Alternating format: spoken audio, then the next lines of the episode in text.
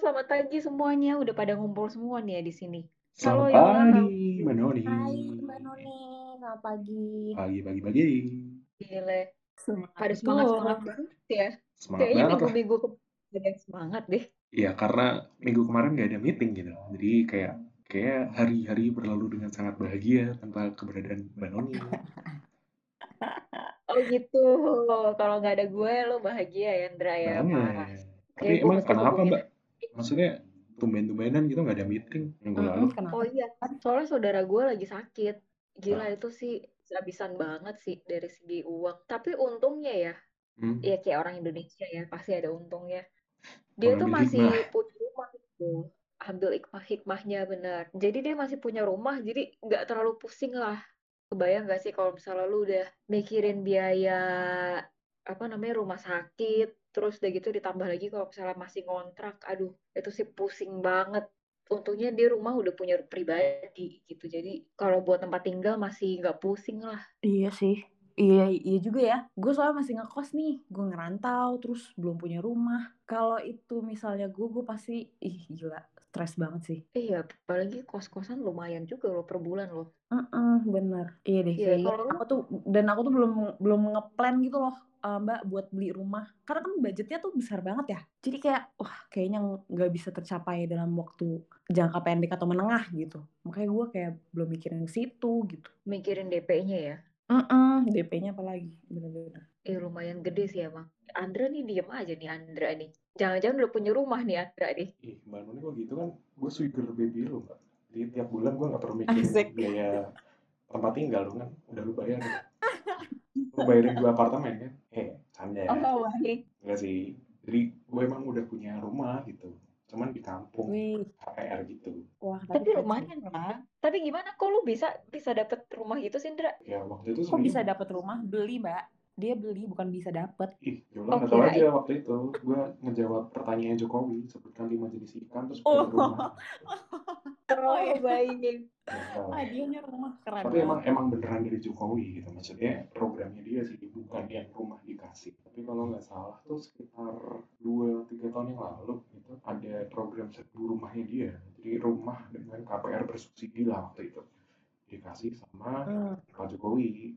Nah, mm-mm. gue sebenarnya bukan yang orang tahu juga cuman waktu itu ada temen eh, temen gue di kantor yang lama itu dia ngambil terus kayak ngasih tahu nih lo kenapa nggak ambil gitu daripada duit itu cuman buat dihambur-hamburkan berfoya-foya gitu mendingan lo invest lah rumah dan gue sebagai orang yang hitungannya waktu itu belum tahu juga sih tentang reksadana tentang saham bla bla bla dan menurut gue yang salah satu paling aman investasi itu properti ya ya udah akhirnya gue mikir selain karena gue waktu itu masih kerja di Hmm. daerah itu udahlah hitung-hitung gue ngurangin tuh sama kayak Mbak Noni bilang tadi biaya untuk tempat tinggal bulanan jadi daripada gue bayar kos tiap bulannya mending gue bayar kredit untuk bulanannya Oh iya Hmm, bener sih. Berarti di mm-mm. daerah ini Jog di atau. Jogja Coret sih Mbak Jogja coret, baik.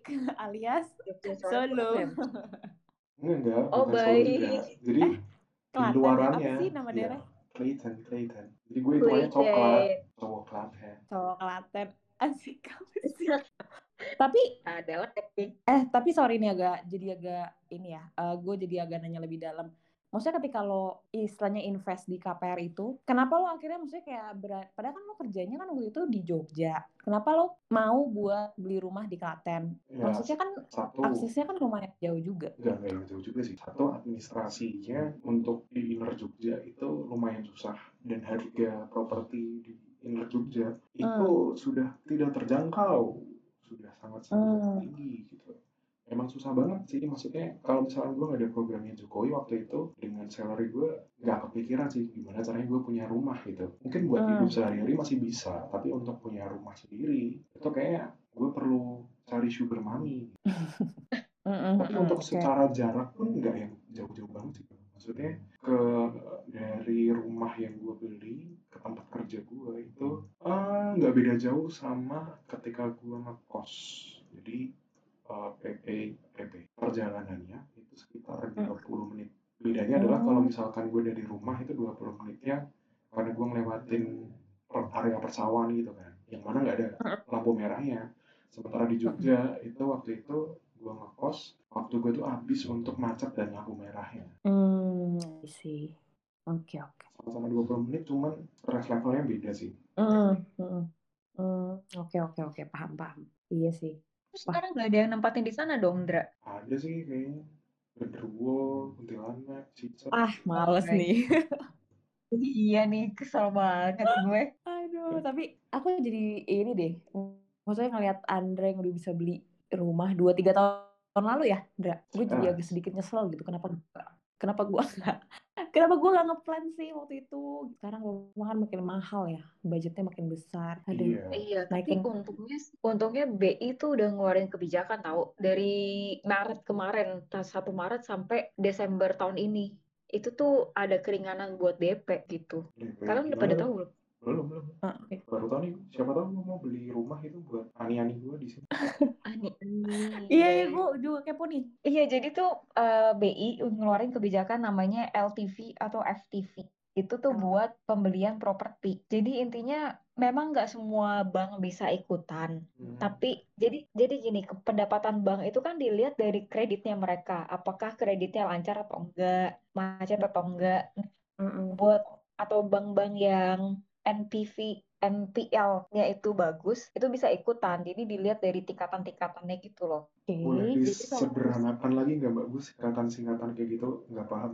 Taunya MVP kalau misalkan main Mobile Legends. Boleh, boleh pakai bahasa awam aja nggak, Mbak Iya, Nuni? MVP, Free Fire, Mobile Legends gue masih paham lah. Bisa tolong lebih dijelaskan. Jadi intinya kan BI keluarin kebijakan nih, karena tahun kemarin itu kan kita berdarah banget semua sektor, termasuk salah satunya eh, properti sama kendaraan bermotor gitu kan. Oh, Nah, penjualannya pasti turun lah ya gara-gara pandemi. Mm-mm-mm. turun banget. Oke. Terus Nah, jadi untuk memboost penjualan itu akhirnya BI bikin peraturan lah. Kalau misalnya bank-bank dengan kredit yang bagus, maksudnya orang walaupun pandemi tapi pembayaran kreditnya masih lancar segala macam, itu dia bisa kasih keringanan DP sampai dengan 0% gitu. Jadi 100% ditanggung sama si banknya sendiri gitu. gila. Jadi sebagai konsumen, kita tuh cuma langsung bayar angsurannya doang gitu. Tapi angsurannya itu nggak ini kan, maksudnya nggak dikenai tambahan apa-apa kan? Maksudnya emang eh emang udah dikurangin DP-nya gitu. Iya, biasanya kita gitu. bayar. Sama paling Hmm. pajak-pajak lain ya kayak PPNBM. Eh, kalau ya kalau mobil mungkin PPNBM, terus kalau rumah bisa eh, bea balik nama lah. Terus ada Hmm. BPKTB segala macam itu kan masih ada juga gitu pajak-pajak. Baru tahu banget ibu.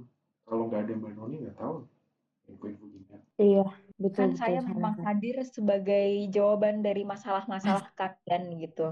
Ya karena Mbak Noni juga yang menghadirkan masalah-masalah dalam kehidupan kami.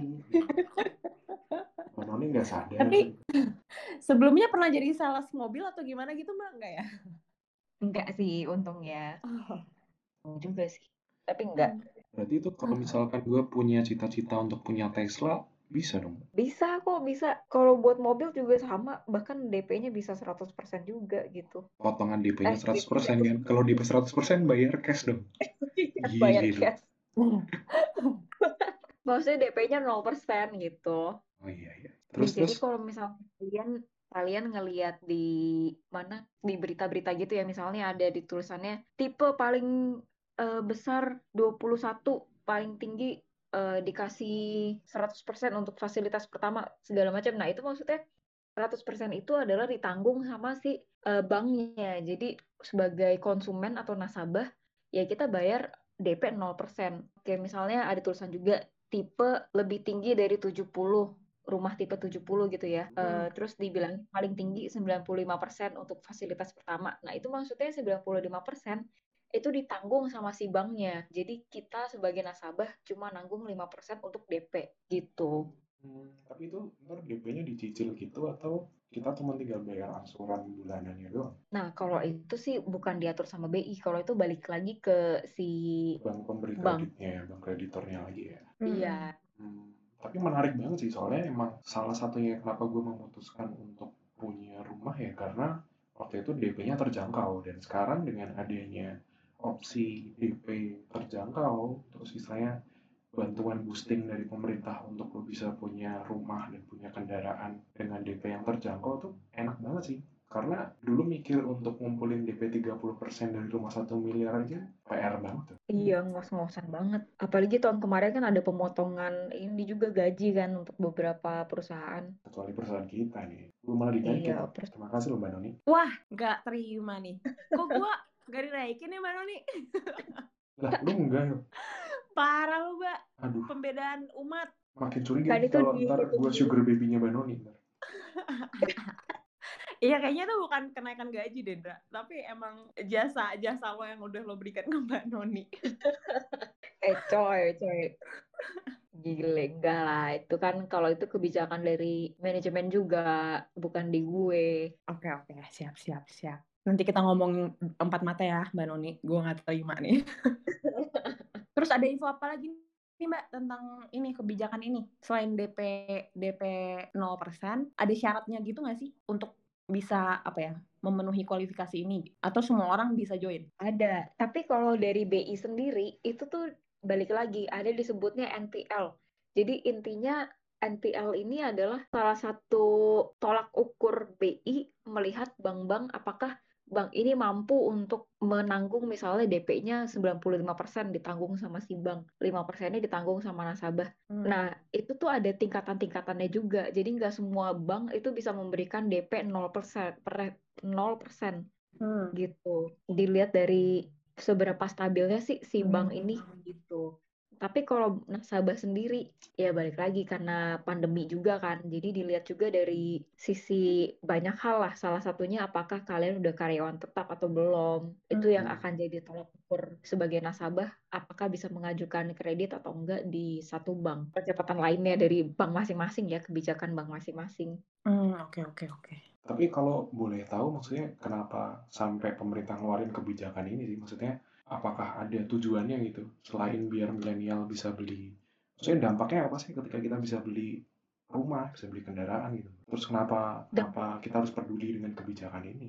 Yang pertama kan kita juga semua negara lah, bahkan negara maju aja kayak Jepang itu kan mengalami resesi kan. Termasuk Hmm. kita juga pasti akan mengalami resesi. Cuma seberapa parah kita akan mengalami resesi itu sendiri. Nah, Hmm. kebijakan ini akhirnya kan membuat orang-orang yang dengan penghasilan lebih atau misalnya punya keinginan yang memang udah dari lama pengen kredit mobil atau misalnya pengen kredit rumah atau motor. Nah, itu kan bisa jadi kebantu juga tuh penjualan. Otomatis kalau misalnya penjualan meningkat kan pendapatan pemerintah pun juga meningkat kan. Hmm. Gitu. Jadi iya, jadi efek domino yang baik lah sebenarnya buat negara. Hmm, bener bener bener. Iya sih. Dan buat generasi kita, generasi gue doang kayaknya ya. Gue yang paling muda kan di sini ya kalau nggak salah.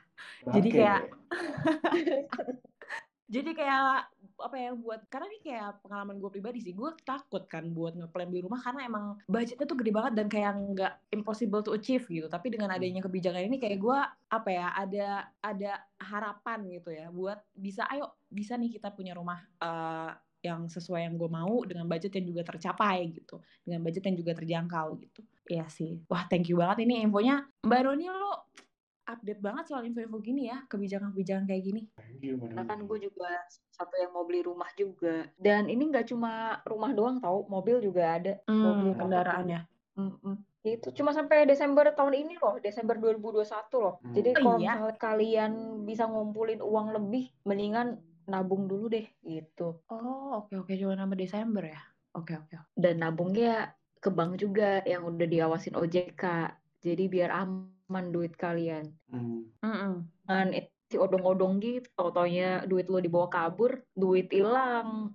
Terus udah gitu piat juga hilang. Hmm. Eh, tadi Mbak Noni ngomong apa? Gue dari tadi browsing nih, cari rumah sama mobil. Gara-gara Mbak Noni ngomong. Selalu dari tadi hmm, hmm, hmm doang ya. Ya, abisnya that's too good to be true gitu, Mbak. Maksudnya gue punya kesempatan untuk Iya bisa dapet sesuatu gitu. Yang sebelumnya nggak pernah gue bayangin. Dan gue baru taunya sekarang banget nih. Padahal kan dari Maret tuh. Dan mau awal. Desember. Maksudnya cepet banget kayak ngerasa cepet banget berapa 6, 6 bulan lagi ya berarti ya. Iya sih. Wah. 6 bulan. Bisa lah kekumpul DP 5% atau misalnya kalian bisa dapetin bank yang kasih DP 0% juga. Itu membantu banget kan. Banget sih. Iya. Jadi gaji naik kan, Mbak? gaji naik dong biar ngebantu kan, ngebantu buat dapetin DP nih. Ya bisa lah itu diatur. Nanti kita ngobrol empat mata aja yo.